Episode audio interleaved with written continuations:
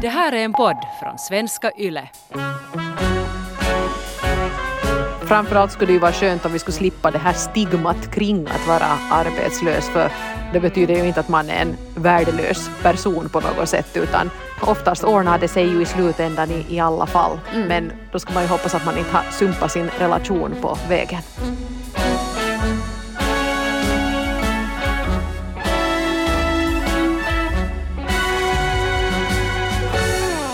Hej Norrena och Frans. Jag önskar att ni skulle kunna göra ett avsnitt om hur det är att leva tillsammans med en arbetslös. Min sambo har nu i flera år varit arbetslös och det är inte bara svårt för henne, det påverkar även mig och vårt förhållande.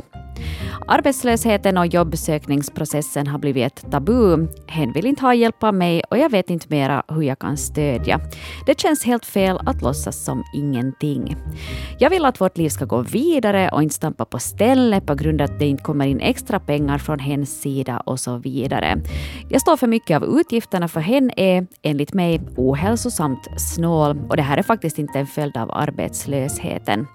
Hen har också glömt hur trött man kan vara efter en arbetsdag. Våra livssituationer krockar rätt ofta då jag jobbar övertid. Ofta ringer hen och frågar när jag kommer hem. Det är en utmanande situation för ett förhållande och jag vill gärna höra hur andra i samma situation upplever det. Tack på förhand. Hälsningar, inte den arbetslösa, 30.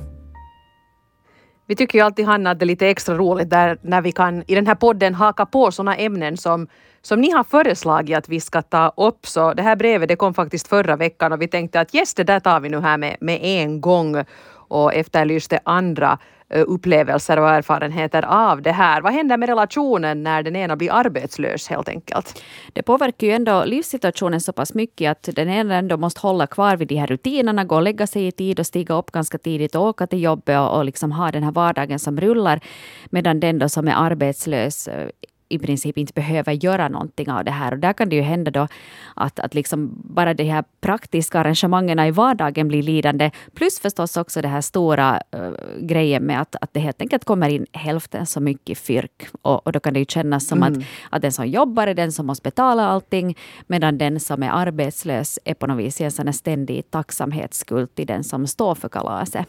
Jo, det är klart att jag menar hela, hela balansen i relationen den gungar ju till ganska rejält när det går på det här sättet. Uh, jag tyckte det var lite roligt här att Rosa hon skrev in till oss med, ett, med en helt, eh, lite oväntad upplevelse nästan för att hon skrev så här att min man var arbetslös i nästan fyra år och det var den bästa tiden i mitt liv för jag kunde jobba och han kunde stanna hemma efter att ha jobbat skift i flera, flera år. Mm. Så att jag, jag tänker mig kanske att Rosa och hennes man ändå kanske, kanske de ägde sitt hem och sådär och, och ändå liksom med, med Rosas inkomster kunde betala elräkning och mat och sånt där. Och, och då kanske det till och med var, var helt skönt det här att det blev ombytta roller och att han blev den som gick hemma och hon var den som jobbade. Mm. Jag tror nog att det där med pengar är säkert det, det, största problemet rent praktiskt. Att just att om du har fast ett bostadslån som ska betalas och kanske barn och hobbyer och allt det här som ska eh, bekostas på något sätt, så då är det ju svårt om inte pengarna räcker till. För vem som helst blir ju gnällig av att, av att måste gå omkring och vända på varenda slant. Så det tror jag nog kan mm. orsaka ganska mycket krockel i relationen. Och just den här balansskiftningen så jag tror jag att det är lite besvärlig. Den kanske kunde jämföras också med just det här med att, att om den ena fast är, är föräldraledig eller vårdledig eller något sån här annat, annan situation där, där också den här balansen skiftar väldigt mycket. Mm.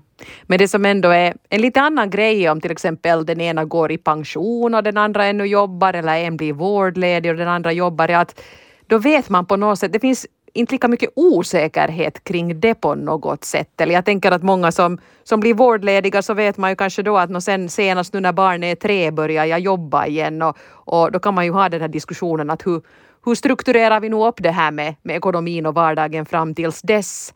Men sen igen med, med arbetslösheten, just som den här vår första brevskrivare skrev, det här att den här partnern söker jobb men inte riktigt vill ha hjälp med det.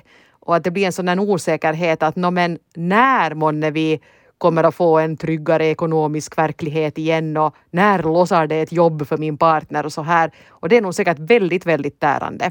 Och jag tror också att det kan kännas som att man hamnar att sätta sitt eget liv på paus på något sätt. Som, som just Sant. den här första brevskrivaren skrev just att, att det känns som att vårt liv stampar på stället. Att man kan inte göra det här som man vanligtvis brukar göra. Att det är sen att lyxa till vardagen på något sätt eller kanske till och med åka på en resa eller, eller köpa någonting till hem eller vet du, satsa på lite någonting extra. Att det känns som att man själv hamnar också att göra stora uppoffringar trots att man jobbar fulltid.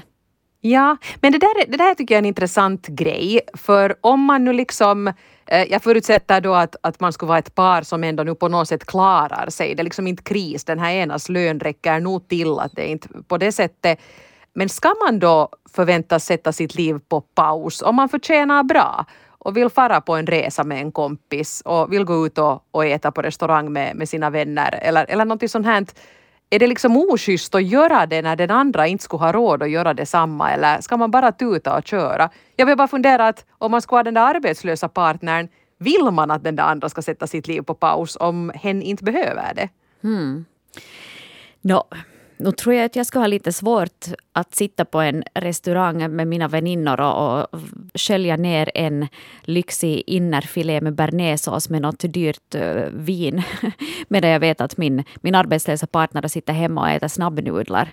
Att nu kanske det skulle kunna vara lite svårt att njuta av det. Men, men samtidigt så tänker jag också, som du sa där Eva, också att varför ska man behöva sätta sitt liv på paus. Att man, nu måste man ju få lyxa till det lite ändå. Och förhoppningsvis så är det ju ändå liksom en övergående tidsperiod på något sätt. Ja, och jag, men jag tänker också att skulle jag vara den där arbetslösa så skulle jag känna ännu mera skuld om vi båda skulle sitta där hemma och äta snabbnudlar om den där partnern ändå skulle ha, ha liksom förutsättningar att, att gå ut ibland eller resa lite ibland. Jag tycker det där är väldigt svårt. Men eh, jag tycker kanske ändå på något sätt att om man nu jag menar, nu förstår jag att vi pratar om hemskt olika ekonomiska realiteter här. Men om man inte liksom står på ruinens brant så tycker jag att det är lite underligt att båda ska liksom på något sätt gå ner till minimum för att den ena är arbetslös. Jag skulle nog aldrig, tror jag, riktigt förvänta mig det av min partner. Mm. Nej, men du är ju en schysst person. Men däremot skulle han nu liksom börja köpa typ dyra båtar eller någonting medan jag, inte liksom, medan jag lever på understöd så, så skulle jag nog tycka att okej, okay, inte, inte så där mycket excesser men någon sån där medelväg där tycker jag att skulle vara det eftersträvansvärda. Mm. Här har Sim, 53 år, skrivit in också om det här med att vara arbetslös. Och Sim skriver så här. Jag var själv i den situationen, det vill säga arbetslös i tre, fyra månader för många år sedan. Och jag tyckte faktiskt att det var ganska skönt eftersom jag kunde renovera garaget och fixa också en massa hemma, till exempel mat och tvätt. Jag var förstås lite orolig över framtiden och diskuterade också med min dåvarande sambo. Och jag blev faktiskt lite förvånad när hon sa att jag var både arg och vresig. Det här tyckte jag faktiskt inte själv. I mitt nuvarande förhållande är jag livrädd att jag ska vara arg och vresig. Så det ligger hela tiden i mitt undermedvetna att jag ska vara glad och trevlig, hur trött och knarrig jag än är. Man får ju fundera hur länge det fungerar och vad som händer när man inte mera sen orkar vara en solstråle, men vi får ta det problemet sen. Så skriver Sim, 53, ganska många olika aspekter eh, i det här, eller många, många olika poänger i det här brevet. Men om jag först får haka fast vid det här.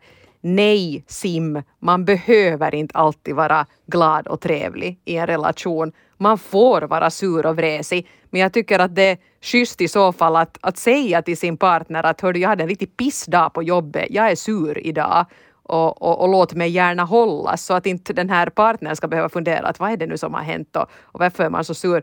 Raka rör, men nu måste vi ju alla få vara lite sura ibland. Det skulle vara hemskt annars. Absolut, ja. och jag tycker inte heller att någon kan kräva det, att någon ska vara en, en solstråle hela tiden. Men det där är ju också mm. en balansgång som vi har diskuterat vi, eh, tidigare också. Att ens partner behöver inte vara ens spottkopp, men den behöver inte heller vara någon som man hela tiden ska försöka vet du, slå knut på sig själv för att vara till lags. Nej, precis. Men eh, sen var det ju mycket annat här också. Jag menar just det här som att Sim då inte visste om att, att han var lite liksom vresig, fräsig och, och sur eh, eftersom han, han inbillar sig att han var ganska nöjd med situationen. Men det där kan jag också lite förstå, att man kanske intalar sig själv att nå, vad är det nu med det här, att jag har nu något jobb att gå till, men det är ju bra det här att jag hinner fixa allt det här, men sen att det kanske pyr ut i form av att man är lite snesig istället.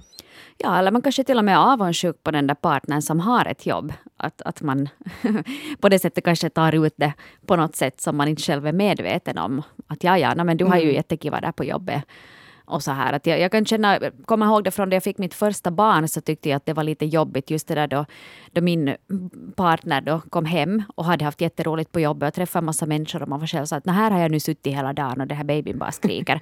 Vet du, det kanske kan ja. vara en sån eh, frustration som kanske läcker ut på något vis även i Sims fall. Sådär. Men, ja. men, men, samtidigt tycker jag också att det här är egentligen en, en ganska bra grej. Vet du, om man kan tänka på den här arbetslösheten som en liten paus i livet. Mm. Där man kanske kan då just renovera garaget och, och, och pyssla lite där hemma och kanske fundera, att, men, fundera lite över livet och kanske sätta det, ta liksom luta sig tillbaka och, och sätta vet du, bilen i, i friläge och, och, och liksom njuta av det. Jag vet att det inte är så lätt förstås då man oroar sig för det ekonomiska och framtiden och sådär, men man kanske också kan välkomna det som en liten sån här paus helt enkelt. Jo, jag tror att det kan vara säkert ganska skönt för psyke också att tänka att, att jag har nu inte ett jobb att gå till men titta vad jag åstadkom idag. Att jag fick det här fixat här på, i trädgården som vi har planerat i flera år och aldrig hunnit med. Att, att jag har ändå liksom gjort någonting vettigt.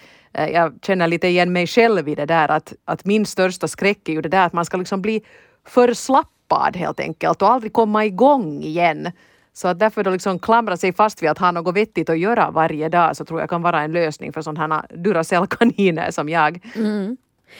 Uh, på, på tal om det här med att man, att man håller igång med någonting så arbetande Brutta, 30, hade faktiskt också skrivit in om det här uh, på följande vis. Mitt ex var mer eller mindre arbetslös de sista åren. Arbetslösheten i sig var inte största problemet, men det att man klär sig i sina smutsiga mjukisbyxor och stiger upp klockan 14 och går och lägger sig tre på natten, där har vi någonting som bara inte funkar. Om man kan vara arbetslös men ändå hålla fast vid fräschheten och dagliga rutiner så brukar det andra lösa sig. Men det är någonting så rysligt oattraktivt med den där slafsiga livsstilen som inte ens passar åt en vuxen. Det passiva arbetssökande blev inte heller bättre av det precis. Nåja, numera är han mitt ex som sagt så skriver arbetande mm. brutta 30. Och jag sympatiserar fullt ut där. Vet du, att, att någon bara liksom släpper taget helt och hållet och bara skiter i allting. Inte det är ju så att man blir liksom het och passionerat vet du, förälskad i sin partner varje gång man kommer hem. Den ligger där och är sunkig. Nej, och jag menar här hängde ju på något sätt alltihop. Man, man bara ger upp. Inte blir det ändå till något. Och varför ska jag nu ens stiga upp för jag har ingenstans att gå. Och antagligen bod, mådde ju den här personen ganska dåligt kan jag inbilla mig. För att för att ja, det, det känns ju lite meningslöst en sån här tillvaro. Och det här är ju just det här som jag skulle vara så rädd för att skulle hända med mig om jag skulle vara arbetslös. Att man liksom bara kommer av sig, äh, vänder på dygnet och, och liksom jag tror det blir en jättehög tröskel att komma in i arbetslivet på nytt om man bara har släppt det på det här sättet. Mm. Men det är klart att mår man dåligt så är det svårt att, att, att rå för det men, men i alla fall, jag tycker det här är en, en bra, jag tycker hon säger några bra grejer här att stig upp och klä på dig och var fräsch oavsett vilket. Jag tror att det redan kan vara en början. Absolut, ja. Och sen tror jag också att, att det påverkar nog en ganska mycket, fast det kanske kan, låta lite sådär banalt, men bara det att du stiger upp, äter en frukost och går i duschen och sätter på dig lite rena kläder och sen fast eh, gör någonting där hemma och som du får en bra filis av att du ändå har åstadkommit någonting. Så jag tror nog ändå att det ger en liksom ens självkänsla en skjuts. Att, att man ändå mm. har gjort någonting. Och, och sen också att man ser sig själv i spegeln. Att man inte bara ser, ser den där spegelbilden som ser ut som att den skulle ha sovit en roskis de senaste tre månaderna. Att man, nu blir man ju gladare av det heller. liksom själv. Nej.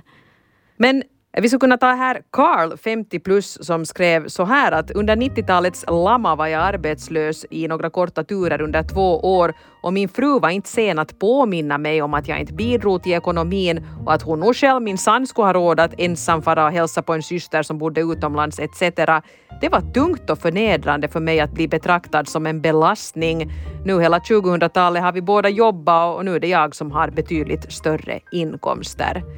Eh, Carl, 50 plus. Uh, det där tyckte jag var ganska oschysst faktiskt av den här Karls fru mm. att göra på det här sättet. No, ja, sist och slutligen så är det ju ganska få som väljer att vara arbetslösa själva och speciellt under laman så var det ju många familjer som slogs i kras fullständigt. Företagare gick under och, och familjer mådde jättedåligt och det fanns inte några pengar. Att, att där tror jag inte att någon självmant skulle välja en sån situation. Att jag tror att man måste se lite skillnad på det där också. Att är det det att du äh, verkligen blivit av med jobbet och inte bara lyckas få ett nytt just nu eller är det det att du eh, helt enkelt inte bara orkar söka jobb för du tänker att Nej, men jag får lika mycket vet du, och kela ändå ja. som om jag skulle mm. jobba. Så, så där tror jag att den där liksom inställningen är en ganska stor skillnad där. Att, att om Karl 50 plus ändå gärna skulle ha jobbat men det bara inte fanns jobb på den tiden så, så tycker jag att det är ganska oschysst att skamma någon sån. Och samma tror jag att det har varit nu också under pandemin. Så är det ganska många som har varit permitterade och kanske därför har suttit hemma för att deras arbetsplatser helt enkelt eh, har försvunnit under den här pandemin. Mm. Och, och så där, att det är ju inte heller någonting som man kan göra någonting åt. Nej, men det, jag återkommer ännu en gång till det här första brevet vi hade här med att, att den här partnern inte liksom vill diskutera sin arbetssökningsprocess och det där. Och, och det där tycker jag kan bli dumt också för att det är på något sätt lättare att ha förståelse med en arbetslös partner som säger att äh, att vet du vad, nu fick jag inte det där heller men jag var nu idag och gjorde det där och nu skickar jag nu in en ansökan dit och jag har en intervju på torsdag. Att man ändå på något sätt skulle ta det här tillsammans mm. och ser att den där andra ändå försöker.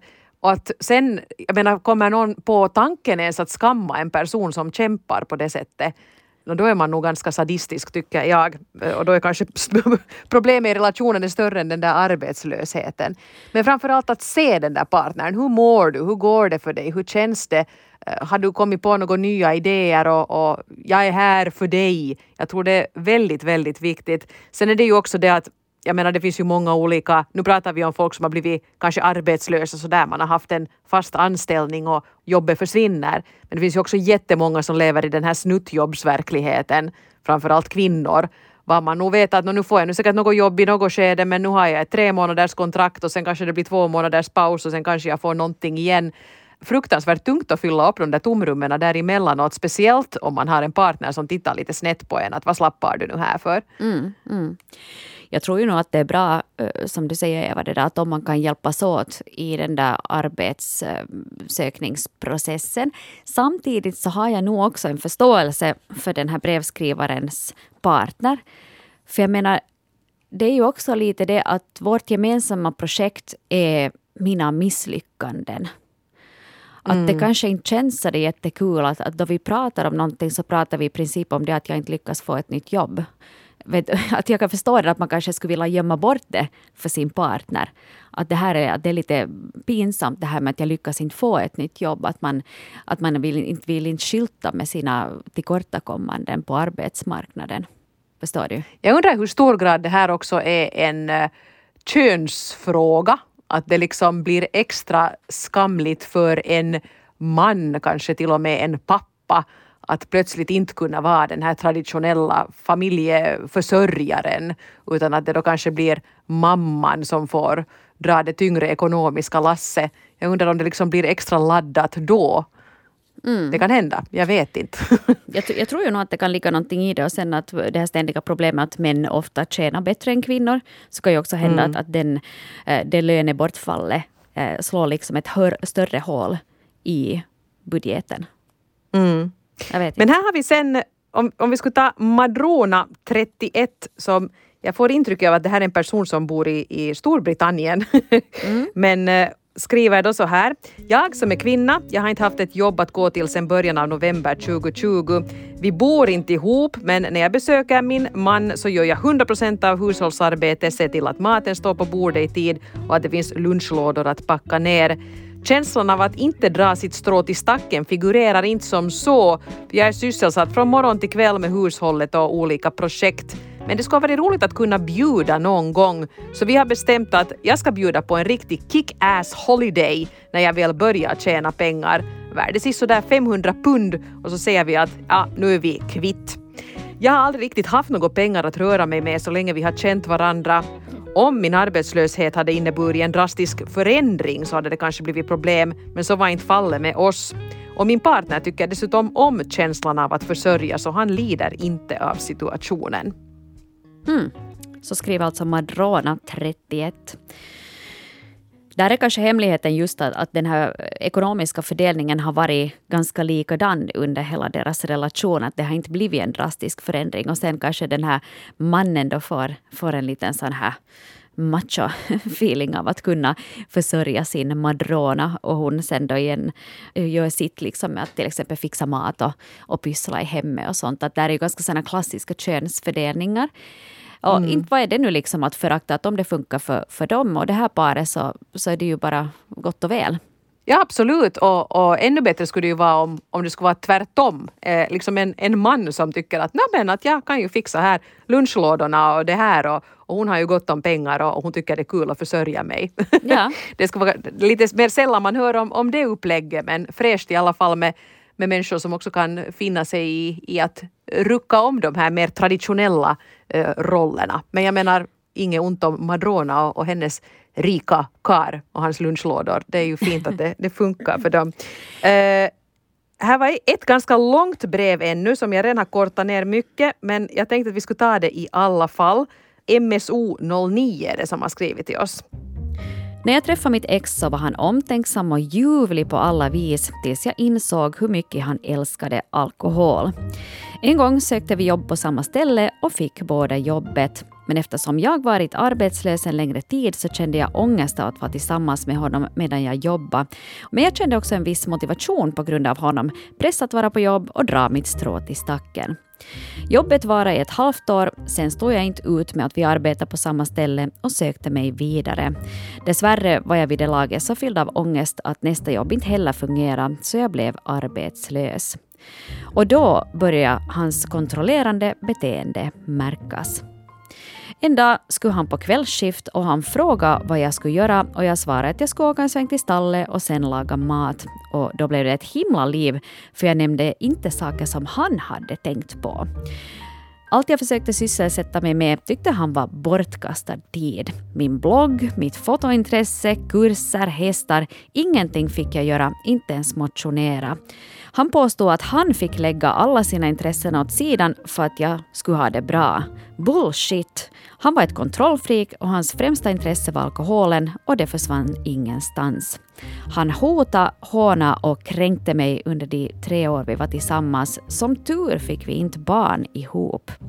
Jag lever nu lycklig med världens bästa partner men det tog ett bra tag innan jag hittade mig själv igen efter att exet hade gjort slut så skriver alltså MSO 0937. Och tur för dig MSO att du tog dig ur den där relationen för det där låter ju riktigt hemskt och jag menar din, din ex-partner hade ju helt tydligt problem av, av många, många slag, kontrollbehov och, och alkoholberoende och allt möjligt. Eh, men jag tänkte att om jag skulle kunna ta fasta lite på en grej här som, som jag tror också kan förekomma i relationer där det inte ändå är missbruk och, och sånt här. Det här med att inte förstå att den där arbetslösa kanske försöker sysselsätta sig med saker för att hålla humöret uppe som hon här med att blogga och, och fota och hålla på med lite hästar och, och gå på några kurser. Det var, att, att det var hennes liksom livlinor helt enkelt. Men att den här partnern då, som annars också verkar vara en riktigt, ett, en riktig rövhatt, inte såg att, inte, inte godkände hennes sysselsättning. Det där tror jag är väldigt jag menar, det där kan kännas väldigt kränkande i den där situationen när man nu på något sätt försöker hålla sig flytande. Mm. Men där är det säkert också så mycket frustration från hans håll. Att han tänkte då att här jobbar jag och, och sliter för att hon ska ha råd att gå till stallet. Att vad är det liksom för, för någonting? Att, eh, att, man, att det antagligen fanns liksom en missunnsamhet från hans håll. Men absolut, jag håller helt med dig Eva, det där med att, att försöka ändå sysselsätta sig på något sätt för att hålla sitt eget humör uppe medan man ändå är i en ganska svår livssituation. Så det tycker jag är jätte, jättebra. Men sen den här mannen hade ju helt klart fel i huvudet. Och, och, och vad heter det, det är ju bra att det, det tog slut och så här. Men, men där kan ju också finnas en sån där grej av att man att man liksom börjar kontrollera den andra för att man helt enkelt känner sig frustrerad att, att det kan jag kanske nog liksom förstå att man tänker just att no, men vet du, här sliter jag och precis som den här vår första brevskrivare också säger att, att uh, hennes partner inte förstår hur trött man är då man kommer hem från jobbet och sen vill den andra umgås och ha kiva. och så här att, att, liksom att dina livssituationer är så olika att det kan vara svårt att ha en förståelse från bägge håll. Jo, jag tror att det, det kan ju vara en fråga om tillit här också. Att man inte litar på den där partnern. Men söker du efter något jobb nu? Försöker du lösa den här situationen? Eller sitter du bara där och bloggar nu då? Vad är det du håller på med? Mm. Att man inte liksom litar på att nå, hen gör nu sitt bästa men försöker också då göra det här som kanske lite piggar upp. Jag tror att det ofta är frågan om brist på, på tilltro och tillit i de här relationerna som kan få den här det här liksom att, att blossa upp, också den där som går omkring där i mjukisbyxor och, och vänder på dygnet då ser man ju klart och tydligt nej, att du försöker ju inte lösa den här situationen. Att, att du, du har ju bara gett upp och då ökar den där frustrationen ännu mera. Mm, och då kanske man försöker kontrollera den och, och liksom inom citationstecken hjälpa den ännu mera och, och det här mottas liksom på helt fel sätt. Det tas liksom som kritik av den arbetslösa mm. istället för att uh, tas emot som den hjälp som faktiskt erbjuds. Mm. Men det som jag föreställer mig att man kan dra som slutsats här är att om den ena blir arbetslös så blir den ju inte ändå en annan person och ni som par blir ju inte ett annat par. Ni är ju ännu precis samma människor. Och jag tror att det där kan vara jättesvårt i den där situationen för hela den där arbetssituationen den på något sätt eh, tar över allt annat för att man är lite orolig och balansen har blivit ruckad och sådär. Men jag tror nog att lösningen som på de flesta frågor är ju det här att man kommunicerar kring allting.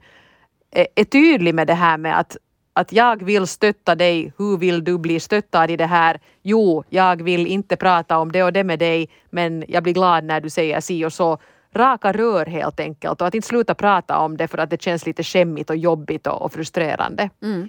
Och jag tycker också att det skulle kunna vara ganska bra att man fast har en överenskommelse om att uh, vilka uppgifter som hör till vem. Att om vi säger då att den ena jobbar 9 till 5 och den andra uh, är arbetslös så tycker jag absolut att det är rimligt då att den som är hemma som arbetslös tar ett större ansvar till exempel för hemmet, för barnhämtning, för sån här praktiskt fixande. Att, att det, tycker jag är mm. liksom, det, det, tycker jag är helt självklart. Det är en annan sak att du är hemma fast med en liten bebis. Då har du inte den tiden kanske på samma sätt. Men om du är arbetslös och barnen är på dagis eller skola eller någonting så då tycker jag inte riktigt att det finns någon ursäkt bara för att sitta hemma och lata sig och se på Australien Rajala liksom fem timmar i sträck och, och, och sucka sen då den andra kommer hem. Att där tycker jag nog att, att den arbetslösa också eh, behöver liksom slita av sig den här offerkoftan och också ta sitt ansvar för den här situationen och på det sättet underlätta för den som ändå har ett jobb att gå till och måste ändå sätta sin tid och sin energi på det där jobbet.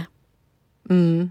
Och framförallt skulle det ju vara skönt om vi skulle slippa det här stigmat kring att vara arbetssökande eller arbetslös. För det är ju nästan så att alla hamnar i den situationen i, i något skede. Och det betyder ju inte att man är en värdelös person på något sätt utan det är, det är sådana tider ibland att det går på det sättet.